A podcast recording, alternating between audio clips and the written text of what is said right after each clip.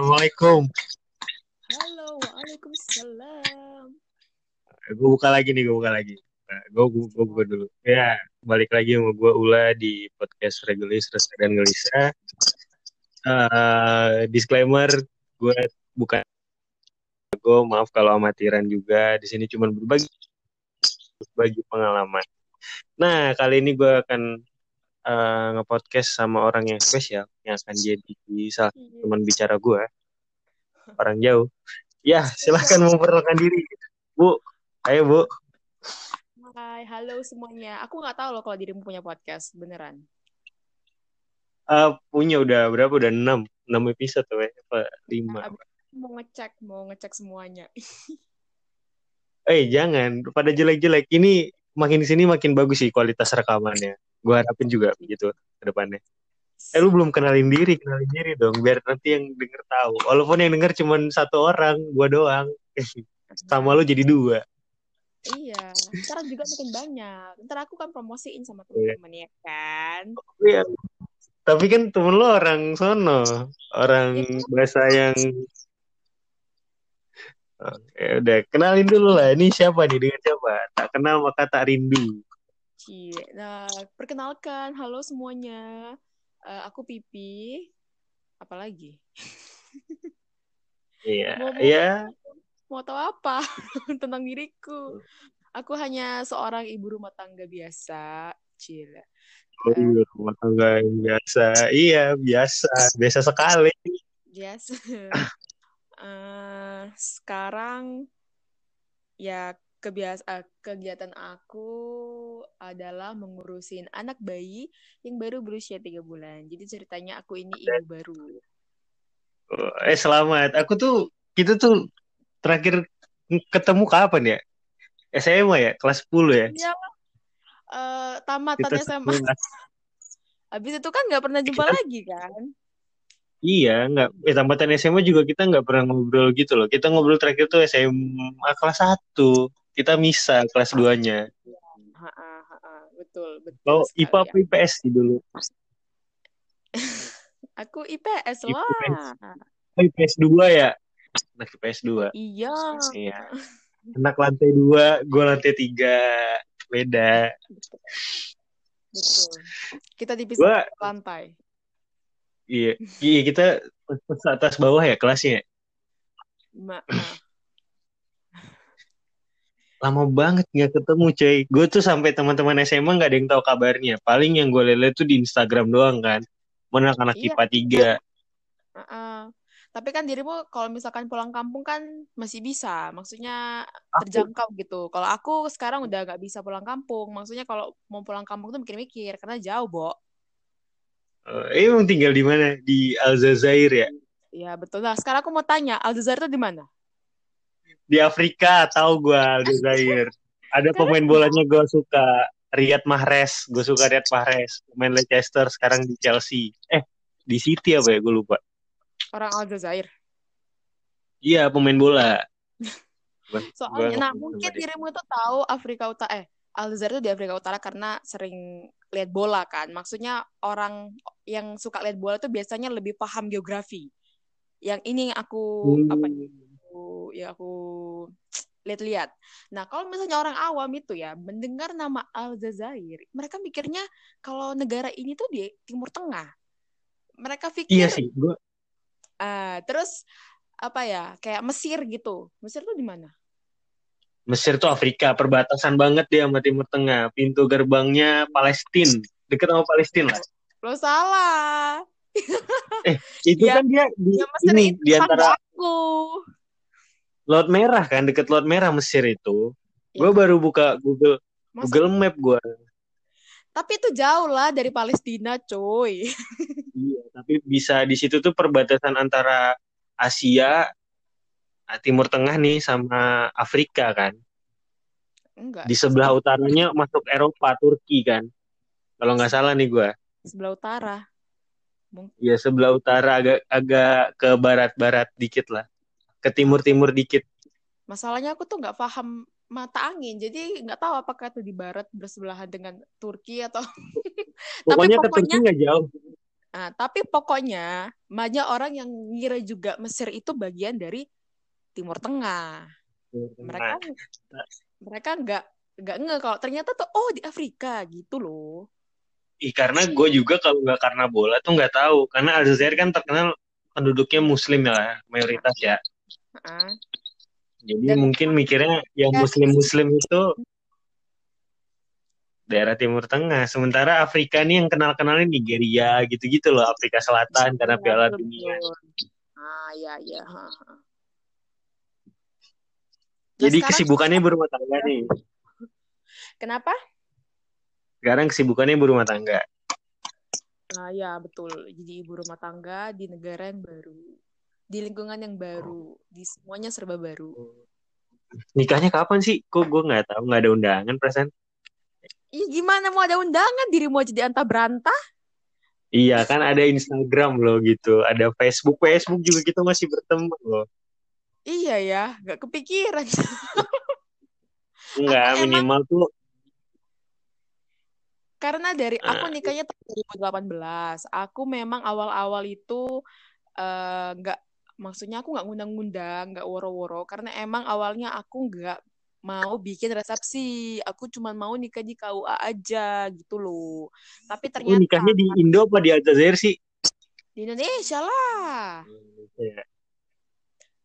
Tapi ternyata kan karena emakku pengen ada resepsi, akhirnya adalah resepsi. Tapi ya udah ngundangnya yang yang yang nampak mata aja gitu loh. Yang nampak mata, tetangga, ya kan? Ya, Momong-momong tapi- tukang sate kalau kelihatan diundang. Iya Oh, kan? iya diundang, diundang jadi itu tukang masak. Jadi ada menu Uh, enak. satenya. Enak bener ya. Gue gue tuh udah lama nggak pulang kampung juga semenjak semenjak lulus SMA tuh gue lebih banyak di sini. Eh sekali tuh gue pulang kampung tuh anak-anak pada di mana tahu kan pas kuliah. Mm-mm. Terus nggak pernah lagi. Jadi berarti Maklum, dirimu baru pulang, pulang kampung. Baru sekali dari 2012 berarti sekarang tahun ke-8. Hah? Serius? 8 tahun nggak pulang kampung? Serius. Why? Kenapa? Oh, banyak ya banyak faktor lah. Gue ya itulah karena anak laki-laki pulang aduh. Gue tuh tahan makan pedas gue, makan cabai gue tahan, makan apa lagi yang pedes-pedes gue tahan, samyang gue tahan. Yang nggak tahan cuman makan omongan tetangga. Pedes. ini ini juga salah satu faktor kenapa aku tuh hijrah ke Aljazair cuy gara-gara itu Gara-gara ini ya omongan tetangga lu kalau deket tetangga lu bawa Indomie. masalahnya Kan lu ngomongnya ngomong. Iya masalahnya itu kalau tetangga di Indonesia itu menurutku ya ah, apalagi di di tempat kampungku aku ini bukan mau menjelekan orang kampungku enggak. Tapi karena kebetulan rumah kami itu di gang kecil terus rumahnya dempet-dempet gitu jadi aku ngerasa kurang privasi aja gitu loh. Sedangkan kalau mau keluar maksudnya mau keluar dari situ dari rumah itu karena itu kebetulan rumah orang tua aku nggak ada yang tempatin jadi dia suruh aku tempatin rumah itu.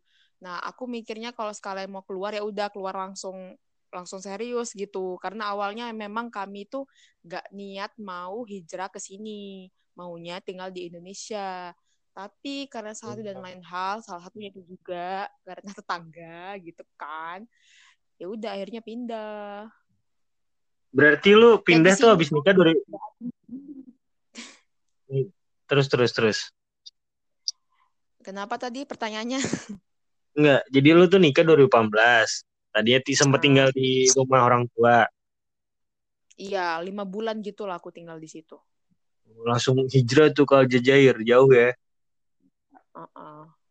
Sebenarnya aku tuh mau balik lagi ke Surabaya sebenarnya kan karena aku kan kuliahnya di Surabaya. Aku juga eh, kerja dua tahun di Surabaya. Jadi aku total itu sekitar tujuh tahun di Surabaya. Jadi kan Wah, udah udah nyaman gitu kan di Surabaya. Nah pengen hijrah ke Surabaya, tapi pada waktu itu eh, aku eh, ribet mik- eh, pusing mikirin izin tinggal suamiku. Karena kalau uh, mau bikin kayak kitas gitu, kitas itu kartu izin tinggal untuk uh, warga asing, tapi yang sementara, jadi cuma lima tahun gitu izinnya.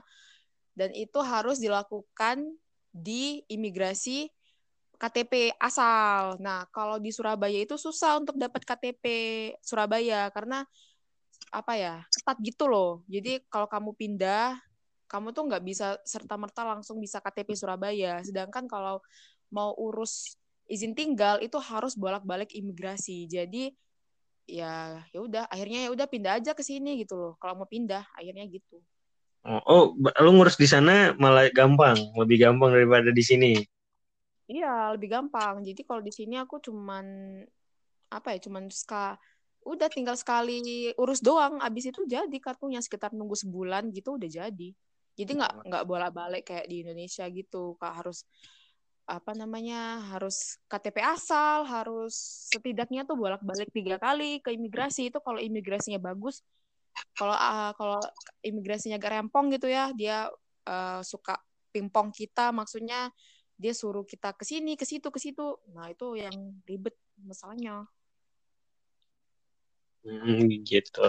Berarti eh by the way lu di Surabaya juga nggak ngasih kabar. Gue kan di Jakarta. Gue tuh berapa kali gue ke Surabaya eh ke Jawa. Sempat main ke Surabaya juga. Gue nggak tahu lu kuliah di Surabaya. Makanya itu aku tuh gak kepikiran punya teman namanya Maulana itu gak kepikiran sumpah. Iya yeah, apalah aku nih cuman remah-remah di sekolah nggak ada yang kenal. Sama juga kita kan butiran debu.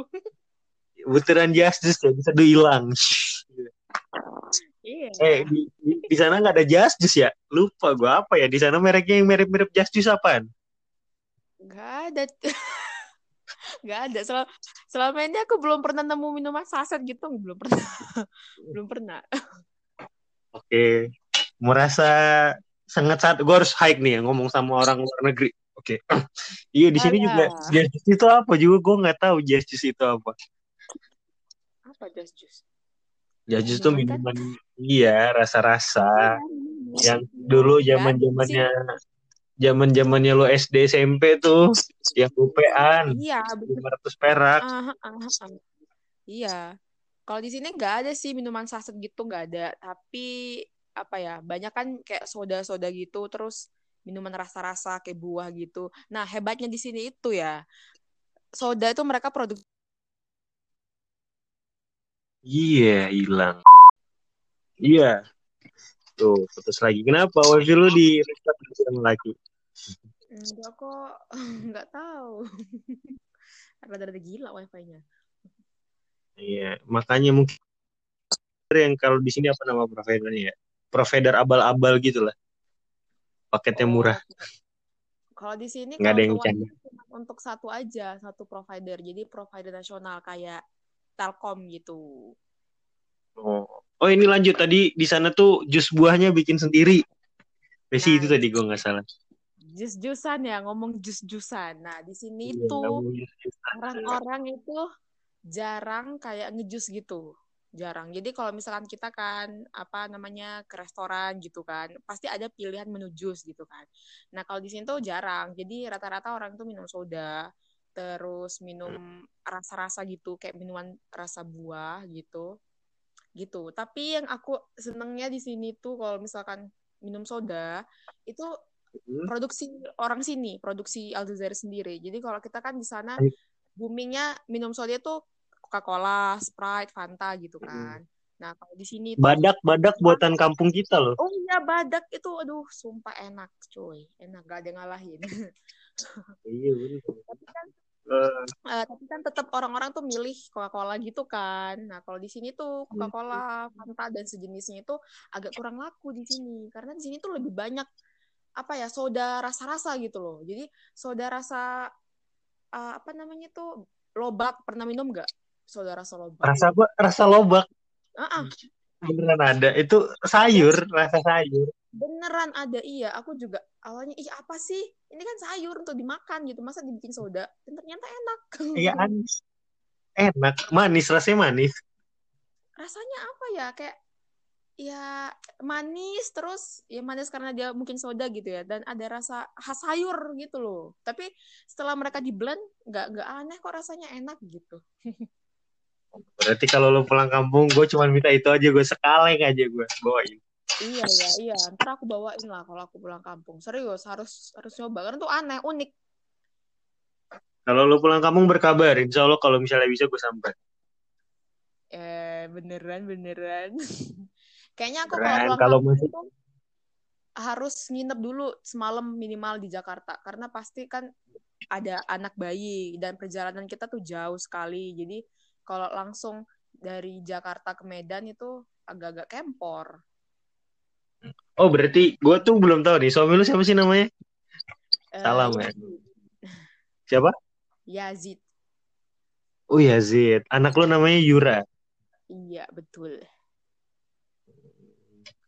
Gue tuh sebenarnya penasaran pengen nanya nih, lo kan kuliah di Surabaya, terus kok bisa tiba-tiba lu menikah dengan orang Aljazair? Lu pakai semar mesem apa gimana? Semar mesem itu waktu sebelum aku kenal suamiku tuh semar mesem itu belum booming belum se booming sekarang Belum booming. Ya siapa tahu udah duluan kan ke Depok. Pakai semar mesem. gila enggak lah ah enggak enggak enggak Eh, normal-normal aja biasa Satu kampus dulunya, apa satu kerjaan? enggak ya sebenarnya nah ini buat teman-teman pendengar podcastnya eh, Maulana mungkin kalian bisa eh, lihat channel YouTube aku Oh oke, promo nanti gua gua gua masukin dah. Gua masukin di ininya, di deskripsinya. Share aja ntar. Eh, karena aku tuh pernah cerita di situ di salah satu video itu gitu jadi daripada aku cerita lagi di sini ya kan Oke oke, nanti akan didengar. Oh, berarti itulah cerita, tapi nggak sedikit aja, sedikit. Nah. Tiba-tiba bisa kenalan singkatnya tuh gimana gitu kan? Itu aku sebenarnya ketemu suamiku itu di eh, online dating gitu Oh, non dating oke. Ah, ah. waktu itu aku iseng-iseng aja karena aku waktu itu eh, kayak udah semester akhir gitu kuliah udah nggak ada maksudnya udah sedikit kelas gitu dan aku apa ya ya udah gitu nggak ada kerjaan lain. Karena waktu itu aku belum kerja juga kan. Jadi masih kuliah pure kuliah dan cuman sedikit kelasnya aja. Dan jomblo juga Bo. Jadi karena aku mikirnya ah udahlah main-main aja gitu loh bikin akun gitu di di situ di situs itu dan akhirnya nggak tahu ketemu si suamiku ini. Oh, nanti kalau lu punya suami lu punya saudara perempuan cakep, muda, ya nggak apa-apa lah. Gua juga ada ini keponakannya dia kalau mau kap udah sikat bleh. Lagi langsung berangkat gua. kasar lu Jadi tadi tuh ini singkatnya berarti lu online dating gitu lah ya. Karena Ah, gue gue tuh pernah iseng-iseng bikin online dating terus gak pernah berhasil. Pernah sekali ketemu orang Maroko. Udah habis itu nggak nggak pernah lagi. Sebentar doang. Ya mungkin karena waktu itu belum fokus. Mungkin ya mungkin. Jadi dan mungkin juga waktu itu apa ya mungkin belum waktunya dirimu bertemu dengan jodohmu gitu. Karena sebenarnya aku juga eh, banyak sih main kayak apa ya kayak dulu tuh ada namanya aku nggak tahu sekarang masih ada apa enggak chatting-chattingan gitu apa sih namanya lupa. Terus em, kayak Line. tukar ah lain Micet, Lupa, micet. kagak jadi itu khusus aplikasi khusus untuk chatting-chatting gitu dan itu isinya tuh orang dari seluruh dunia gitu Oh, ada ada. Gue juga pernah denger apa ya namanya? Ada ada kayak kayak ini kan dia. Kayak dating dating apa aplikasi gitu kan? Iya tapi itu bukan untuk dating gitu ya udah untuk random orang aja jadi semua orang bisa di situ tapi sekarang aku yang sebelnya aku akhirnya nggak nggak nggak terusin di situ lagi karena pertama akhirnya tuh banyak orang India yang nge yang nge-spam gitu jadi Oh, gua, eh, gua kayaknya pernah download deh itu. Apa ya namanya? Gue pernah download itu. Pernah download. Itu yang gue bilang gue dapet orang Maroko dari situ. dan banyak orang Indianya gitu jadi tiba-tiba ngechat orang India nih. Gue pikir ini apa nih? Tiba-tiba dia ini nawarin apa namanya kayak bitcoin bitcoin gitu loh. Investasi kayak binomo gitu-gitu. Mm-mm. jadinya ya udah aku nggak nggak itu nggak nggak lanjut situ gitu. Akhirnya lanjut ke dating site yang menurut aku tuh lebih apa ya lebih serius lah kalau misalnya kamu tuh mau nyari jodoh gitu loh. Oh maksudnya memang awalnya tuh buat cari jodoh bukan iseng-iseng nih gimana? Iseng-iseng tapi pengen yang serius gitu loh. Karena udah iseng-isengnya yang kemarin-kemarin tuh udah udah udah lewat gitu loh. Udah, udah terlalu sering iseng-iseng. Jadi sekarang pengen iseng-iseng tapi yang serius gitu. Ngerti nggak? Hmm, paham paham. Jadi kayak ibarat lempar jala aja ya siapa tahu dapet ya. Nah, betul betul. Jadi kita tuh nggak ada harapan. Maksudnya nggak terlalu berharap juga. Tapi ya maksudnya kalau misalnya ada yang kontak gitu pengennya yang serius gitu loh yang nggak main-main hmm, lu keren sih salah satu contoh yang di depan mata gue berhasil pakai aplikasi dating kayaknya lu doang. Karena gue pernah nyoba beberapa kali tuh kalau yang Indonesia punya tuh isinya udah nggak bener lah ya. Ah, iya iya. Yang internasional yang kayak lu ceritain tadi orang India iya banyak banget, banyak banget. Iya dan ke spam gitu. Pindah dari Indonesia, eh lu nikah bulan apa tuh? 2015 bulan apa? Bulan Agustus Agustus. Agustus lima bulan berarti lu 2019 lah hijrah ke ini ya ke iya akhir hmm.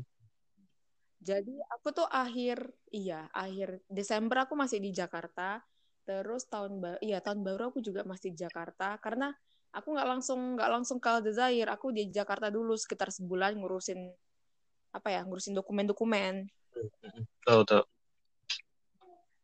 terus langsung uh, Februari aku ke Aljazair. Berarti udah berapa dua puasa? Dua kali. Ini puasa ketiga berarti di eh puasa kedua dong ya di Aljazair ya. Kedua ya. Puasa kedua. Nah, gue pengen tanya-tanya pengalaman puasa di sana gimana rasanya? Kan kalau Indonesia lu udah di apalagi kayak Surabaya, Medan dan segala macam daerah tuh puasa tuh lu lihat euforianya gitu loh. Takjil di mana. Kalau di sana tuh sama nggak sih? Kayak ada yang jualan takjil juga tiba-tiba jualan kolak tiba-tiba jualan es buah uh-huh. uh, di sini kalau mau jujur puasa itu B aja. Alias biasa aja. Jadi nggak ada yang namanya takjil orang-orang jual apa buka-bukaan gitu di di, di jalan gitu kan. Hmm. Bikin bazar gitu. Nggak ada di sini. Jadi ya udah anjep sepi aja kayak hari biasa. Kalau lebaran juga nggak ada mudik? Sedih amat ya. Nggak ada kalau eh, mau lebaran kan ada takbiran kan hmm. kalau di sini nggak ada ya udah takbirannya itu waktu mau sholat udah gitu doang Terus gak ada yang ini dong berarti bangunin sahur pakai gendang-gendang sahur yang pengen gue timpukin tiap pagi jam 3 berisiknya naudzubillah. Jam 2 kadang mereka tuh kalau jam 3 masih oke, jam 2. iya nggak ada di sini. Ya udah, bangun bangun aja. Kalau mau bangun bangun, kalau nggak bangun ya udah nggak bangun. Pengalaman nih gimana sih Alzair? Tuh kalau lu, lu mungkin gambarin nih sedikit penggambaran tentang kayak gue orang yang nggak pernah tinggal di sana. Belum lah belum ke sana. Hmm. gue gambarin nih suasana puasa dengan iklim lingkungan. Itu gimana? Uh, ya udah nggak ada yang nggak ada yang beda dengan hari-hari biasa. Beneran. Jadi ya, ya apa ya bedanya itu cuman mungkin kalau aku sendiri karena kan aku orang Indonesia kan. Jadi uh, aku tuh kalau sebelum uh, hari puasa satu hari sebelum hari puasa itu aku kayak ngirim-ngirim makanan gitu ke kakak iparku ke tetanggaku ke temennya ibu iparku gitu. Jadi ya udah gitu. Ya. untuk aku apa ya untuk aku ngerasa kalau oh besok puasa gitu. Karena dari tahun sebelumnya yang pertama itu tahun pertama aku ngerasa loh kok nggak ada apa-apa gitu loh kayak biasa aja kayak besok puasa ya udah nggak ada ngapa-ngapain besok ya udah puasa gitu. Nah, ketika lo ngelakuin itu keluarga lo kayak gimana nih? Ini ngapain ini orang ini? Masak-masak ngirim-ngirim nih ngapain nih? Gitu. Eks, apa mereka tuh gimana ngeliat lo kayak gitu tuh? Nah uh, ya mereka tanya kan ini kok kasih ini untuk apa gitu. Kan karena nih kebetulan juga yang ngantar itu ibu mertuaku bukan aku. Hmm. jadi dia bilang kalau ini tradisinya uh, uh, menantuku di Indonesia. Kalau mau puasa itu kirim-kirim makanan gitu. Padahal sebenarnya kan nggak mesti gitu kan. Cuman karena aku pengen ngerasain kalau besok itu puasa gitu loh. Jadi aku pengen pengen apa ya? Pengen kayak punya iklim puasa gitu. Lu sekalian share kebudayaan ya. Oh ini Indonesia tuh kayak gini gitu. Iya, aku masak pai susu tahun ini. Pai susu. Hmm. Untungnya lu ngomong makanan masih pagi nih. Gue baru selesai sama masih kenyang-kenyangnya. Belum terpengaruh. Gue biasanya jam segini ngaji sih. Cuman hari ini, ini dulu. Tadi malam udah soalnya. Terus terus. Nah jadi lu apa ya? Terus jadi ibu anak lu lahir kapan? Anak lu lahir kapan? Uh, anakku lahir Januari Udah. akhir Januari. Tahun ini? Tahun ini iya. Wah berarti masih baru banget dong ya. Aduh siapa? Yura Yura. Nanti kamu akan ketemu paman kalau kamu ke Indonesia. Paman iya dong masa oh ya enggak enggak paman. Ma, ah, ini kakak. Kan gue masih muda juga ya. Kakak. Akan ketemu kamu kakak. Terus ya apa ya gue cukup sebenarnya gue cukup kaget tiba-tiba lu posting lu ada di Azazir gue kira awalnya emang lu kayak program kan S2 gitu kan. Bahkan gue gue nggak tahu lu kuliah Surabaya juga gue nggak tahu. Ya kan? Hmm. gue kira oh nih lagi program S2 gitu kan Wah hebat dong gue dalam mati karena teman-teman juga yang anak-anak satu SMA tuh yang berhubungan sama gue, lu kenal gak sih namanya Dewi? Dewi siapa? Dewi mana? Ada di anak 10 6 sepuluh 7 dulu. Dia sekelas gue di IPA 3. Uh-huh. Nah sampai sekarang masih sering ketemu. Siapa lagi ya anak karena kelas gue IPA 3 tuh gak ada anak 10 4, semua ke 10 2 kalau nggak 10 1. Ya uh, jadi aku rada-rada gak kenal gitu hmm. teman sekelasmu. Maaf ya. Yeah. oh ini. Terakhir gue sering kontak-kontak. Lu Nova kenal Nova nggak? Nova Irawati. Nova. Oh iya. Ah iya nah itu terakhir kontak-kontakan kapan ya? Sebelum dia nikah? Berapa? Mm, mm, iya dia juga baru nikah. 2000 berapa ya? Eh 2018 lah. Gue masih kontak-kontakan. Dia nikah nggak salah 2019 yeah. akhir.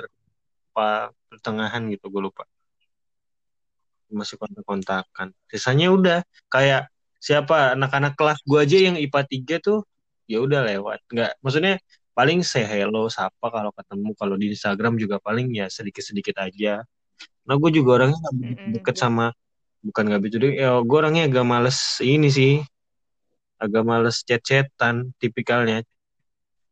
Jadi kalau mau ya aku sih juga gitu. kalau nggak terlalu kenal gitu ya udah biasa aja makanya. Mana uh, uh, apa ya? Gue sebenarnya ini dadakan ya. Jadi gue nggak siapin materi pertanyaan tapi ngalir aja sih. Lu punya anak baru nih. Terus lu lingkung di hidup hidup di lingkungan baru sebagai seorang ibu baru yang mungkin kalau di Indonesia kalau lu punya anak tuh nggak begitu berat lah buat ibu baru ya. Karena biasanya kalau nggak mertuanya bahkan orang tuanya sendiri tuh bantu buat ngurusin anaknya kan. Nah kalau di sana tuh gimana sih sama atau enggak? Loh jangan salah sebenarnya hmm. aku ngerasa ya kalau aku di Indonesia itu aku lebih stres. Dan kalau di sini tuh alhamdulillah aku tuh dibantuin sama mertuaku. Jadi dari aku lahiran sampai sekarang itu yang ya mertuaku tuh masih banyak banget gitu loh. Jadi dan bedanya ya kalau aku ngerasa juga dari pengalaman teman-temanku yang juga sudah punya anak. Kamu tahu Sela kan? Selawati ingat-ingat gue ingat mm-hmm. dia kan juga baru melahirkan tuh. Jadi dia melahirkan aku melahirkan. Dan dia tuh ya gitulah apa namanya sempat uh, agak apa ya agak down juga karena dia tuh awal-awal nggak bisa kasih asi sama anaknya. Uh. Jadi itu kayak di apa ya? Tau lah ya orang Indonesia ya. Nah ya. Nah itu jadi dia sempat-sempat gimana gitu karena kan jadi ibu baru ya ibu apalagi ini ibu yang pertama anak pertama itu itu apa ya sangat-sangat rentan untuk dapat stres, untuk dap jadi depresi. Masih mami uh, blues ya nggak salah ada penyakitnya tuh. Uh -uh. Nah, terus terus kalau di sini tuh aku tuh sama sekali nggak dengerin omong nggak maksudnya nggak mendengarkan sama sekali omongan-omongan orang. Jadi karena kan aku lahiran sesar. Nah kalau di Indonesia kan pasti komennya itu, duh kalau belum lahiran normal itu belum lahir namanya, belum lahirkan namanya, belum jadi ibu. Lah, hmm. lu kira lahiran sesar itu nggak apa ya, nggak seberjuang itu gitu loh maksudnya aku tuh aw memang awalnya aku tuh mikirnya kalau lahiran sesar itu lebih mudah, lebih gampang.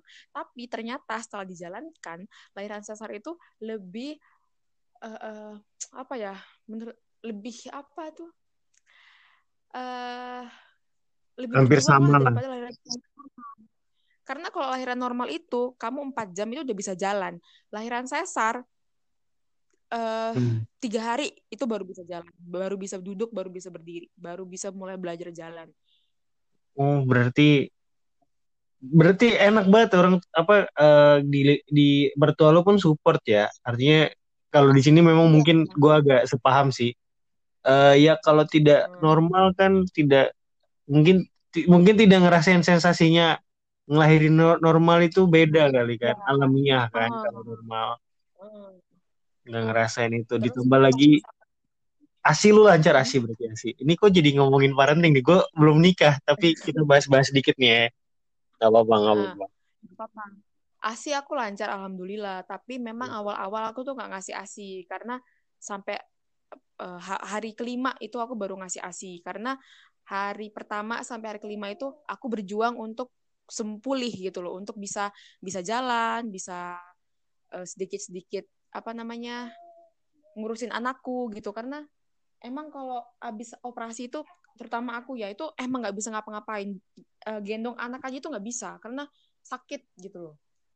Oh recovery lu lah lima hari abis itu baru kasih asi uh, abis itu aku baru kasih asi meskipun waktu itu emang belum full masih separuh-separuh gitu. Tapi alhamdulillah sekarang udah udah full.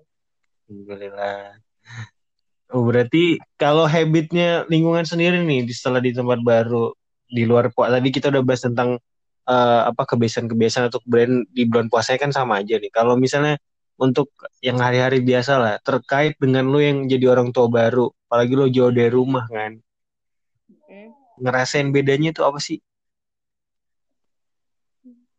Bedanya yaitu yang sangat aku rasakan tidak ada omongan-omongan tetangga kok gini sih? Kalau di Indonesia kan kok ngasih ini sih? Kok dikasih itulah gitu. Uh, kan anakku itu dari lahir sampai sekarang itu nggak pernah dibedong nggak pernah dikasih gurita. Nah hmm. kalau di Indonesia itu pasti aku sudah dimarahi. Kenapa anaknya nggak dibedong? Kenapa anaknya nggak digurita? Kenapa nggak dikasih minyak telon? Kenapa nggak begini nggak begitu? Jadi di sini aku punya anak itu ya udah aku ngurusin sesuai dengan yang aku mau sesuai dengan gayaku dan ibu mertuaku pun juga oke oke aja ngikutin aku gitu. Jadi ya udah dia ngikutin karena sebenarnya di sini juga ada tradisi.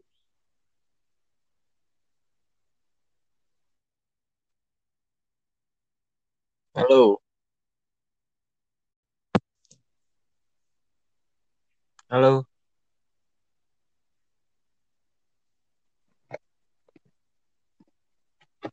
Halo. Nah, ini putus lagi jaringan ini.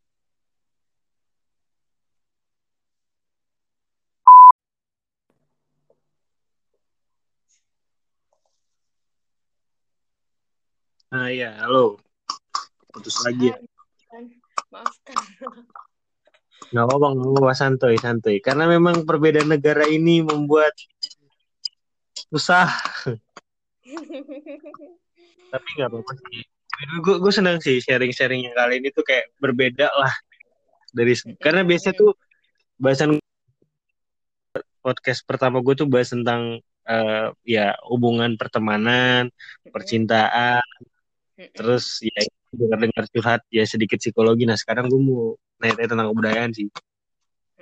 Siap. Tadi sampai mana? Gue lupa tadi. Tadi sampai. Saking nggak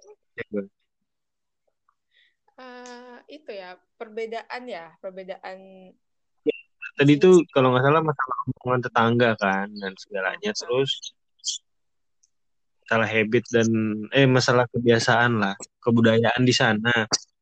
Mhm. gitu. Yang ngebedain sama lo di Indonesia nih lo ngerasanya apa nih? Eh, da- konteksnya jadi ibu ya. Jadi ibu boleh ataupun kalau lo tidak jadi ibu pun secara, secara pribadi lah. Karena kan lo pernah hidup sebelum jadi ibu nih ya kan? Hmm. si dia ngerasain aduh kok gitu ya? Atau ada nggak sih kayak hal-hal yang apa ya tidak biasa lo lakukan? Atau tidak pernah lu lihat lah selama lu di Indonesia terus di sana tuh ternyata mereka ngerjain itu gitu. Hal-hal baru yang membuat lu kaget Apa ya hal baru yang itu sih ngelihat orang sholat pakai celana pendek, celana punggul. Iya beneran serius. tiga perempat kan maksudnya masih di bawah lutut kan Iya lut eh, lututnya kelihatan sedikit gitu. Jadi nanggung-nanggung Wah. gitu. oh cewek cowok ce- cewek cowok lah pasti ya cowok Cowok, uh, cowok. Terus eh apa ya di sini tuh kalau misalkan ya orang nggak sholat misalkan ya dia tuh ya udah nggak sholat gitu. Jadi kalau di Indonesia kan misalkan ya kita tuh nggak sholat sehari-hari. Terus di di kantor gitu hari Jumat kan Jumatan. Nah itu kan pasti kan diajak tuh suka diajak kadang ayo Jumatan bareng apa segala macem. Dan kadang kita agak apa ya agak sungkan gitu kan. Mau bilang ah aku Hmm. ini gitu. Kenapa? Lu kan Islam gitu kan nah kalau di sini tuh Hmm. kalau emang dia nggak sholat ya udah nggak sholat gitu. Dan nggak bakalan ada yang ngajakin sholat. Oh, di, di sana tuh intinya lu kayak kesadaran sendiri gitu ya? Iya benar. Dan orang-orang tuh nggak ada yang nyampuri antara kehidupan pribadi sama kehidupan agamanya. Itu sama kehidupan untuk umum itu mereka nggak campur gitu. Jadi urusan sholat itu adalah urusan pribadimu ya udah urusin aja gitu ur- urusan sendiri. Jadi nggak ada jadi di sini tuh nggak ada yang namanya ngajakin orang sholat. Terus eh, nggak ada yang ngajak ikut majelis taklim misalkan gitu kan. Nggak ada di sini. Jadi ya mau tapi ada majelis taklim gitu ada? Nggak ada juga nggak ada. Eh kalau sholat mungkin kan karena lu cewek kali ya. Itu kan kalau sebenarnya di ceramah-ceramah kan ada lah ceramah-ceramah masa nggak ada? Jumatan kan ada. Eh ceramah-ceramah gitu nggak ada? Ada ada. Tapi itu ceramah khusus untuk hari Jumat aja oh. Jadi lu di sana emang bener-bener udah tingkat kesadaran lu ya? Tapi sebenarnya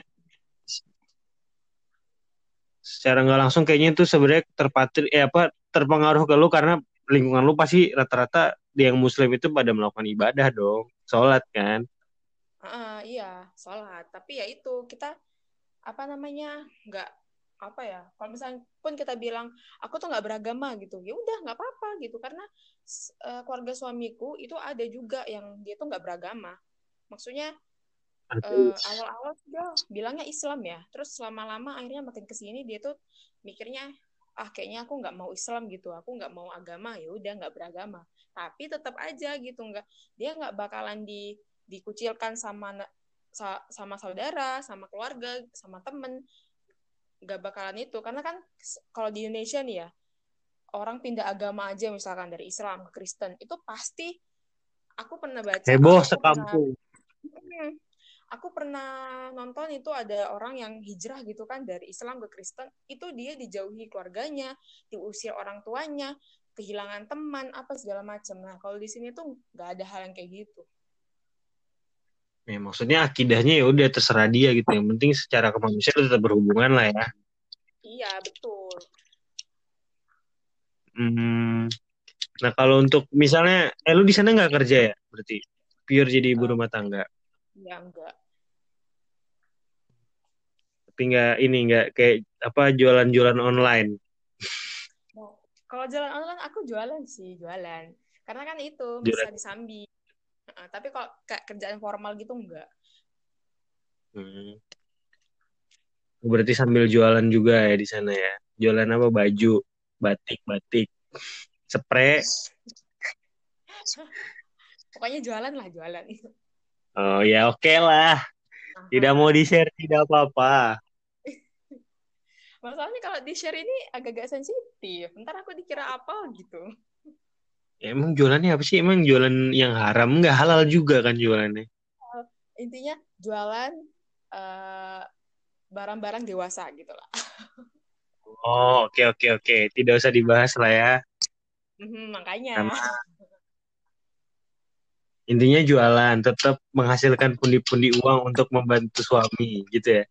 Ya, eh, nggak bantu suami sih. Maksudnya aku tuh sebenarnya niat jualan itu supaya rekeningku tuh terisi terus dan aku bisa ngisi pulsa gitu. Biar nomor Indonesia ku hidup. Itu sih sebenarnya motivasiku jualan Oh, oh enggak maksudnya kan lu udah laki lu minta isiin dong.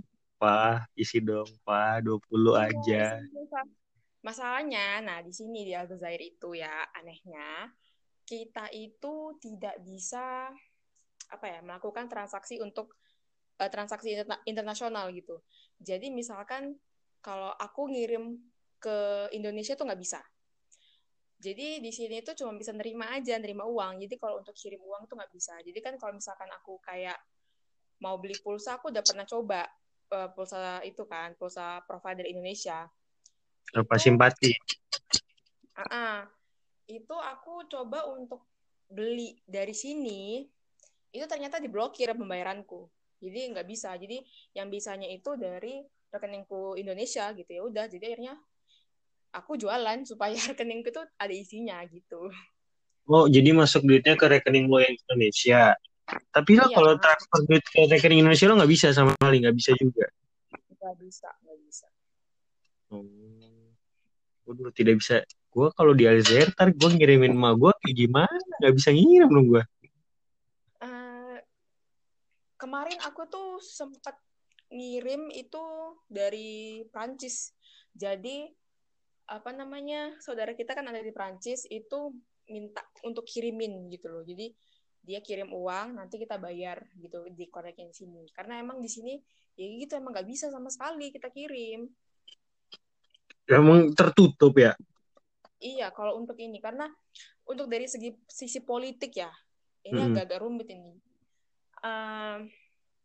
dia itu masih semi-semi diktator gitu loh tapi diktatornya tuh yang demokrasi gitu loh kayak kemarin itu kan baru aja ada ada pemilihan ya ada pemilu bulan eh, tahun lalu nah itu Mm-mm. hasil pemilihan itu hampir ditentang itu aku bisa ngomong 80% penduduk Aljazair. Tapi tetap aja pemilu jalan, presidennya naik gitu. Jadi agak-agak ya agak-agak beres gitu. Kalau aku Oh, jadi bilang. nggak ditentang, nggak ditentang ini, ditentang pemilunya, apa ditentang gue nggak mau calon yang ini gitu? Ditentang pemilunya sendiri dan ditentang calonnya. Jadi itu bermasalah dari dua itu. Tapi masyarakatnya tetap sejahtera dan makmur dong. Eh, ya gitulah. Tapi kan kalau misalnya ya, kalau misalkan mereka dapat pemimpin yang yang apa yang benar-benar mimpin lah gitu, yang benar-benar jadi pemimpin, itu aku yakin ini Aljazair ini nggak bakalan kalah sama sama Indonesia. Karena aku mikirnya sekarang kita bandingkan ya Indonesia dan Aljazair. Dari sisi politik, Indonesia itu jauh lebih maju dari Aljazair. Mereka mah kayak sistem kerajaan gitu. Atau udah demokrasi juga. ada presiden ya ini presidennya yang kemarin itu hampir sekitar 14 tahun jadi presiden yang terakhir ya presiden terakhir. Itu dia posisinya sakit itu dia masih jadi presiden masih dipilih. Dan itu dia sempat merubah amandemen gitu. Jadi kan di dalam uh, peraturan perundang-undangannya itu cuman boleh dua kali.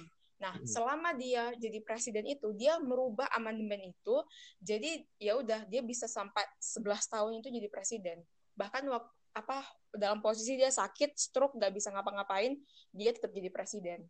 Karena dia ya kalau aku bisa bilang ya itu kayak sejenis presiden boneka gitu. Oh, jadi ada dalangnya. Iya.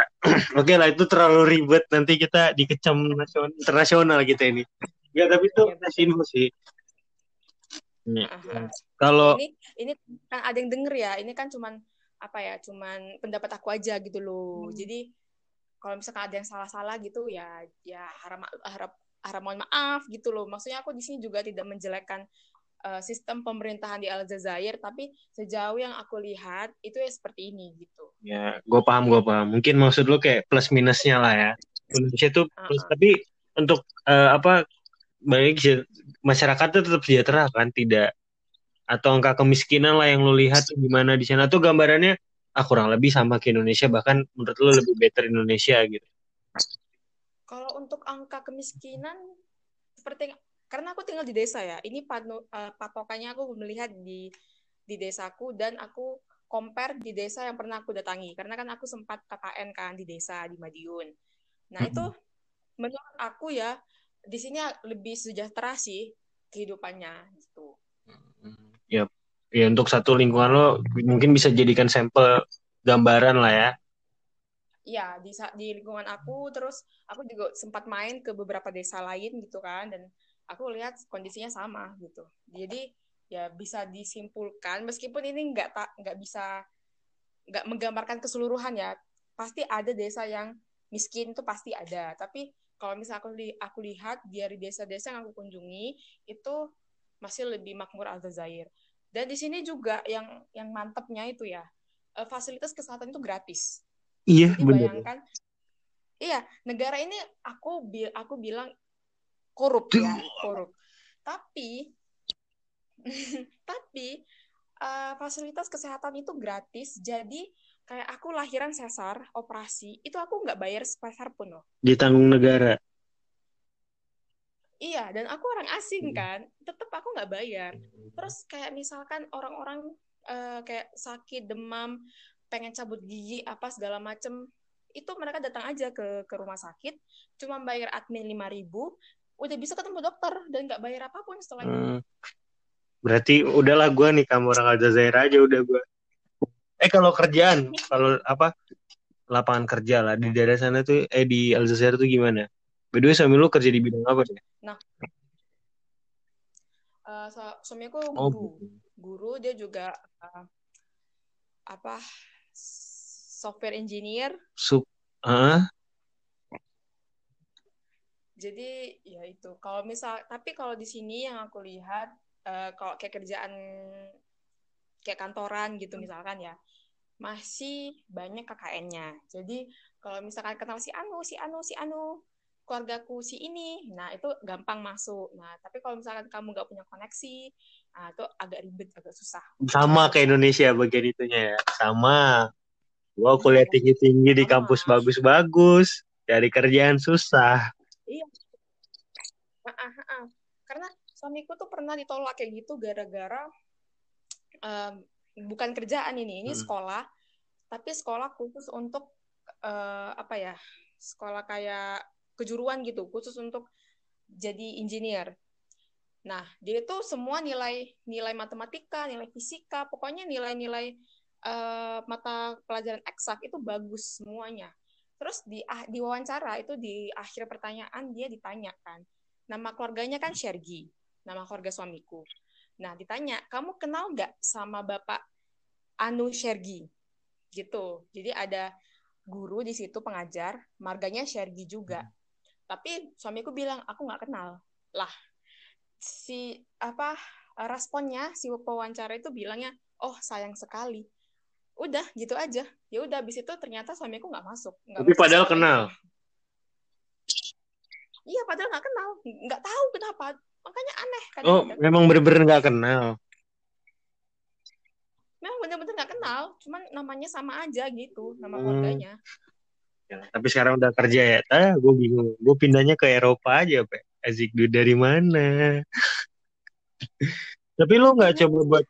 Nggak apa-apa. Kan lo udah di Aljazair nih, atau lo sama suami lo ya udahlah uh, di luar di negara lain misalnya, atau ya mungkin Indonesia sih. Kita ada sih rencana, karena kan pertama apa ya, uh, suamiku nggak seneng kalau misalkan si Yura dibesarkan di sini. Dia nggak suka sama society-nya.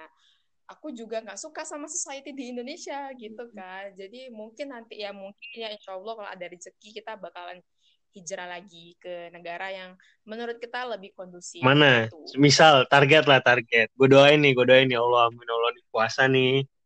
Hmm, didengar ini. Kayaknya sih eh, ke Kanada. Anjay, lebih bagus itu mah. Iya makanya doain ya teman-teman yang pendengar ini, pendengar podcast ini supaya kita bisa hijrah ke Kanada. Iya, biar gue nanti main pulang main ke sana lah, ada tempat kapan gue doain lah gue semoga cepet kaya lah udah. Gak apa-apa berdoa ber, berdoa bermimpi wes. Eh, tapi Nah. Gue mau nanya di sana corona gimana corona?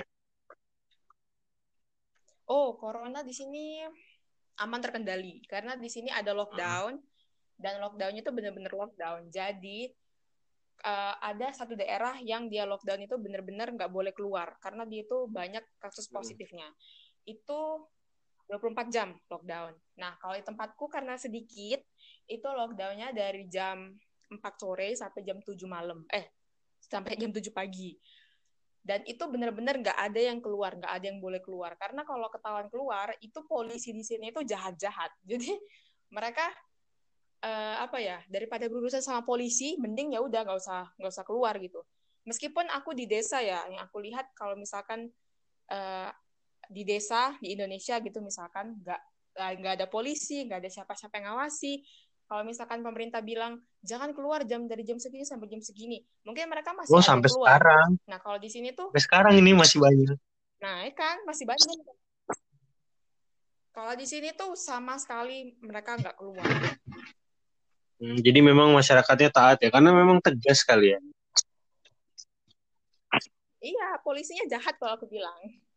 Jadi eh, jadi orang-orang daripada berurusan sama polisi ya kayak misalkan izin usaha dicabut, terus KTP-mu disita, ditahan, bisa-bisa masuk penjara juga. Jadi ya udah, ngapain ngapain merepotkan Oh, diri. Indonesia tuh, kalau Indonesia tuh nggak kayak gitu nih, gue kasih gambaran ya.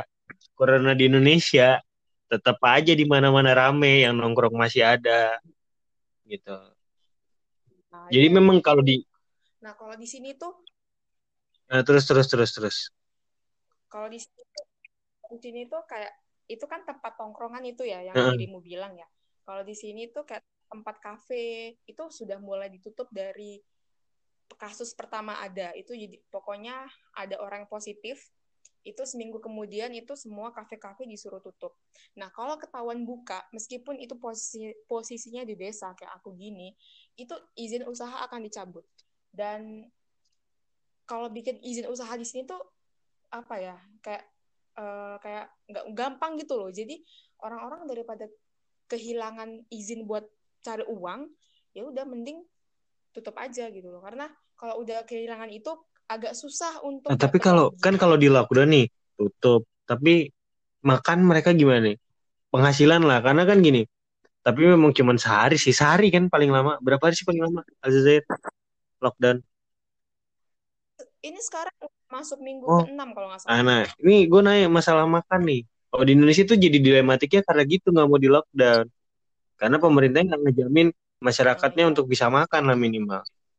Kan kebutuhan pokok kan cuma itu doang, Mm, paling penting. kalau di sini aku kalau di tempatku ya kalau di desaku karena ini kami tinggal di desa nih masalahnya.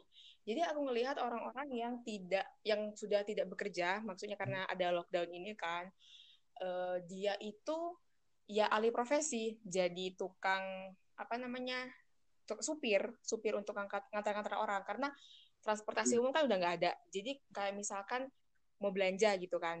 Di sini tuh kalau belanja nggak kayak kita di Indonesia gitu kayak eh, kamu bisa belanja di pasar dekat terjangkau gitu. Kalau di sini kan karena aku di desa eh, bela- tempat belanja itu paling nggak 30 menit lah naik mobil.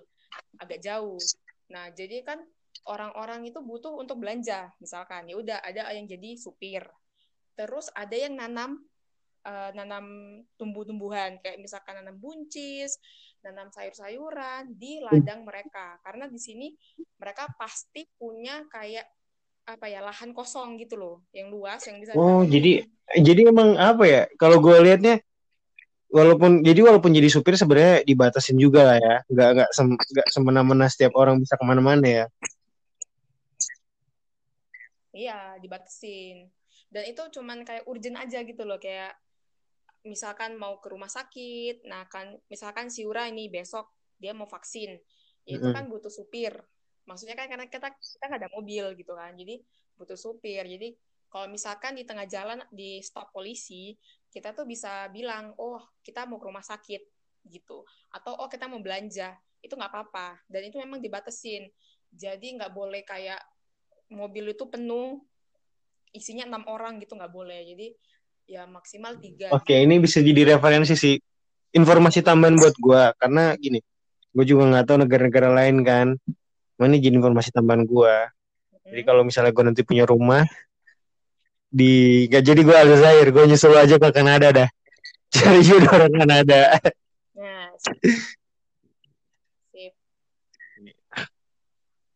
Jadi jadi gambaran gue sini kalau Indonesia tuh itu tadi masalah makan sih karena nggak dijamin. Karena kita juga nggak lockdown PSBB jadi ya pembatasan. Hmm, kalau di hmm, sana kan lockdown hmm, hmm. cuman untuk hal-hal urgent lo bisa keluar kan? Bisa ha-ha. tapi kalau kayak punya toko gitu tuh udah nggak bisa buka bener-bener nggak bisa. Kecuali tokomu itu toko yang jual makanan. Oh sama. Apotek. Sini sama juga. Udah sini tapi di sini tambahannya kafe warteg. Wah banyak yang masih buka lah. Hmm. Mm-mm, kayak warteg gitu kan sebenarnya. Itu tempat orang Iya, berkumpul benar. toh, ya kan? Nah iya. Cing, cing, cing. Ah, terus iya. Tanya apa lagi? Gue karena dadakan nih gue nggak tahu bakal bisa sekarang. Cuman ya itu sih tadi udah udah dapat gambaran semua sih. Mulai gambaran lu bisa menikah dengan orang sana. Terus sudah hidup dua tahun di sana dengan. Luar biasa sih lu keren lah. Keren maksudnya teman-teman SMA gue juga keren keren ya gue juga keren dikit gitu kan. Mhm. Ya lu iya lah keren. keren. Halo. Halo. oh ya ini penutup nih. Tadi ini tiga kali terhubung karena jaringan. Mungkin jaringan gue juga yang error halo Halo ya. Ah. gue mau nanya nih lu ada nggak pesan-pesan yang ingin lu sampaikan terhadap lu yang lagi di sana untuk orang Indonesia yang siapa tahu pengen hidup di Aljazair siapa tahu tuh siapa tahu jodohnya sama kayak lu orang Aljazair Hmm. ada yang ingin lu sampein misalnya Eh, yang aku mau sampaikan apa ya?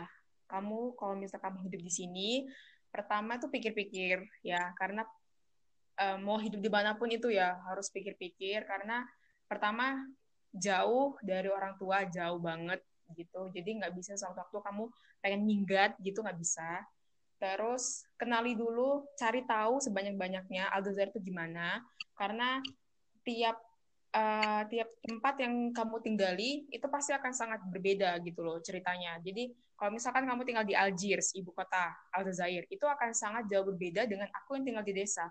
Nah, kalau misalkan orang yang di eh, dia tuh di Indonesia tuh seringnya nge-mall, jalan-jalan ke sana kemari bebas. Nah, kalau di sini jujur aja nggak ada mall. Jadi mungkin kalau kamu apa ya ngerasa eh, hidupmu bakalan terkungkung gitu kan di sini, ya lebih baik nggak usah. Pokoknya cari tahu sebanyak-banyaknya negara Aljazair itu gimana. Jangan karena kamu mikirnya, oh karena tinggal di luar negeri tuh kelihatan kedengeran keren gitu. Tapi ternyata kamu nggak bahagia gitu loh di sini. Nah itu jadi masalah juga. gue gue gue tuh gak pernah tinggal luar negeri cuman sempat stay dua bulan di Singapura lah heeh. Ngerasain bahwa aduh gila gue cinta banget sama Indonesia. Walaupun gue kira-kira pengen pindah warga negara gue pengen jadi orang Malaysia aja gue apa orang Filipin. Tapi temen gue juga ada yang tinggal di Amerika sekarang dia kerja. Terus nggak pulang-pulang kayak dia betah juga sih. Nggak tahu deh. Nah iya maksudnya kita nggak pernah tahu loh gitu cerita orang di luar negeri itu gimana. Meskipun kita ngelihatnya tuh, oh dia tinggal di luar negeri kayaknya enak gitu loh. Nah kita nggak tahu ternyata itu ada kesulitan-kesulitan yang dia hadapi gitu yang mikirnya aduh nyesel nih tinggal di sini gitu. Itu pasti ada tapi ya itu maksudnya kalau kamu sudah memutuskan kamu mau tinggal di mana entah itu di Indonesia entah itu di Aljazair entah itu di Kongo pokoknya di mana pun pertama kalau kamu udah punya udah punya keputusan kamu harus konsisten sama keputusan itu. Biar bagaimanapun itu apa ya uh, situasi dan keadaannya di situ gitu loh tapi lebih bagus lagi itu tadi kamu searching searching dulu kamu cari tahu sebanyak banyaknya tentang keadaan di situ jadi ketika kamu di sini kamu nggak kaget gitu makanya itulah uh, awal awalnya aku tuh membagikan ceritaku di YouTube tentang Aljazair supaya ini orang tuh punya gambaran. Apa nama channelnya apa? Kenapa? Nama channelnya apa sih YouTube lo? Nama channelnya Pipisa Fitri. Oh, Pipisa Fitri. Aha. Lu perasaan dulu gue liat di foto nggak ada berubah-berubah ya dari zaman dulu ya? Iya, sama. Itu pun aku hmm, sama aja, sama. ya, gue gue gue nih terakhir gue akan menyimpulkan dari semua hubungan ini. Gue bingung mau nyimpulin apa karena sebenarnya lebih ke arah share pengalaman lu di sana kan. Tapi ya. itu tadi bahwa yang pertama karena jodoh gue akan pernah tahu. Yang penting gue usaha aja. Iya betul. Ya, karena gue juga belum nih kapan ya Allah Gak sih, gak, gak begitu. Gue lagi asik-asik begini aja. Apa-apa enggak. Udah uh... nikmati. Terus ya kondisi Aljazair dengan kebudayaannya yang berbeda. Tapi kalau gue lihat ya ada beberapa persamaan lah ya. Bagian-bagian negatifnya sama. Karena Indonesia negatif full ya, full. Betul, full. betul sekali. Gitu. Ya terlepas gimana pun ya setiap negara ya mau di mana pun sih gue pikir ya. Mau di Eropa sekalipun di mana pasti ada plus minusnya lah. Iya pasti, pasti. Tapi tidak ada tempat yang paling lebih indah daripada rumah. Iya itu jelas. Jelas hmm. sekali. Walaupun rumah kita itu gubuk reot ya. Nah, ibaratkan itu gubuk reot lah. Masih maksudnya masih ada kayak eh, nggak uh, sempurna lantainya masih tanah uh, dindingnya bocor gitu kan. Tapi itu rumah kita gitu loh kita nyaman di situ. Iya benar banget. Tidak ada tempat. Jadi maksudnya ya ke mana pun lo ya intinya gini kalau lo ngerasa Aljazair sekarang adalah rumah terbaik lo ya berarti di sana lo akan nyaman gitu kan. Ya percaya aja lah di mana pun tempat tuh tetap sama nyamannya yang penting harus positif lah hmm, betul betul. Um, ya mungkin halo ada lagi nggak? Apa ya? Nggak ada sih bingung aku. Gue sebenarnya masih ada lagi tapi di nextnya aja sih. Gue ada beberapa hal yang pengen gue bahas mengenai tempat-tempat keren di Aljazair tadi sudah ada klunya tidak ada mall. Mampus tidak ada mall. Aduh ah. cabai-cabai. Nggak bisa hidup di Aljazair ya nggak bisa. Kecuali kecuali di Algiers ya kalau di Algiers beda itu ya udah kota metropolitannya di, di sini gitu kan karena ibu kota tapi kalau tinggal di kota biasa aja atau kayak tinggal aku di gunung gini tuh udahlah Wow, itu itu itu akan jadi pertanyaan gue sih nanti nextnya, next yang nggak sekarang. Iya. Ya buat sekarang, iya. karena lo di sana jam 12 ya? Iya, sekarang iya jam 12 sekarang. Aduh ya Allah. Iya, gue mau ngucapin terima kasih banyak dan Terus gue juga mau nyampein ke yang ngedengerin, mohon maaf kalau misalnya podcastnya nggak bagus-bagus amat. Uh, ya tadi ini cuma podcast amatiran. Mudah-mudahan ada informasi yang bisa diambil, yang baik-baiknya bisa diambil silahkan. Kalau buruk-buruknya ya udahlah, mohon maaf aja. Karena gue bikin kayak ginian bukan buat terkenal, karena gue suka aja bikinnya. Tidak peduli dengan apa yang pikir, apa yang orang pikirkan selama nggak ngerugin banyak orang, gue akan terus bikin keren banget lu. Iya, bener. Gue tuh sekarang lagi nulis juga, Pi. Lu ntar baca tulisan gue ya. Tapi nulis alay-alay cabe-cabean sih. Siap, siap. Nah, ya, terima kasih, Pi. Buat lu saya selalu salam sama Bang apa sih manggilnya di sana kalau manggil Mas tuh apa sih? Bang. Udah, apa sih? Udah manggil nama aja. Oh iya, salam sama Mas Yazid ya. Gua nggak tahu. Salam sama Mas Yazid sama keluarganya semua. Terus ya titip salam sama Yura juga gue doain sehat-sehat selalu biar bisa ketemu sama gue. Amin. Dan keep contact aja. Semoga lo sehat dan diberikan dengan oleh Allah Subhanahu wa taala di bulan berkah. Sama-sama. Amin. Dan doain gue cepet menikah. Ya. Cariin orang Aljazair. Kalau ini enggak, kalau ini aku akan apa ya, akan tidak akan mendoakan Waduh. cepet nikah, tapi aku doakan semoga mendapatkan jodoh di waktu yang tepat dengan orang yang tepat. Uh, aku suka sekali. Terima kasih. Soalnya okay. bapakku sudah nanyain kagak mau kawin katanya. Wah, ntar dulu dah. Sabar Pak, sabar. Iya, bapakku ngebet banget pengen punya cucu.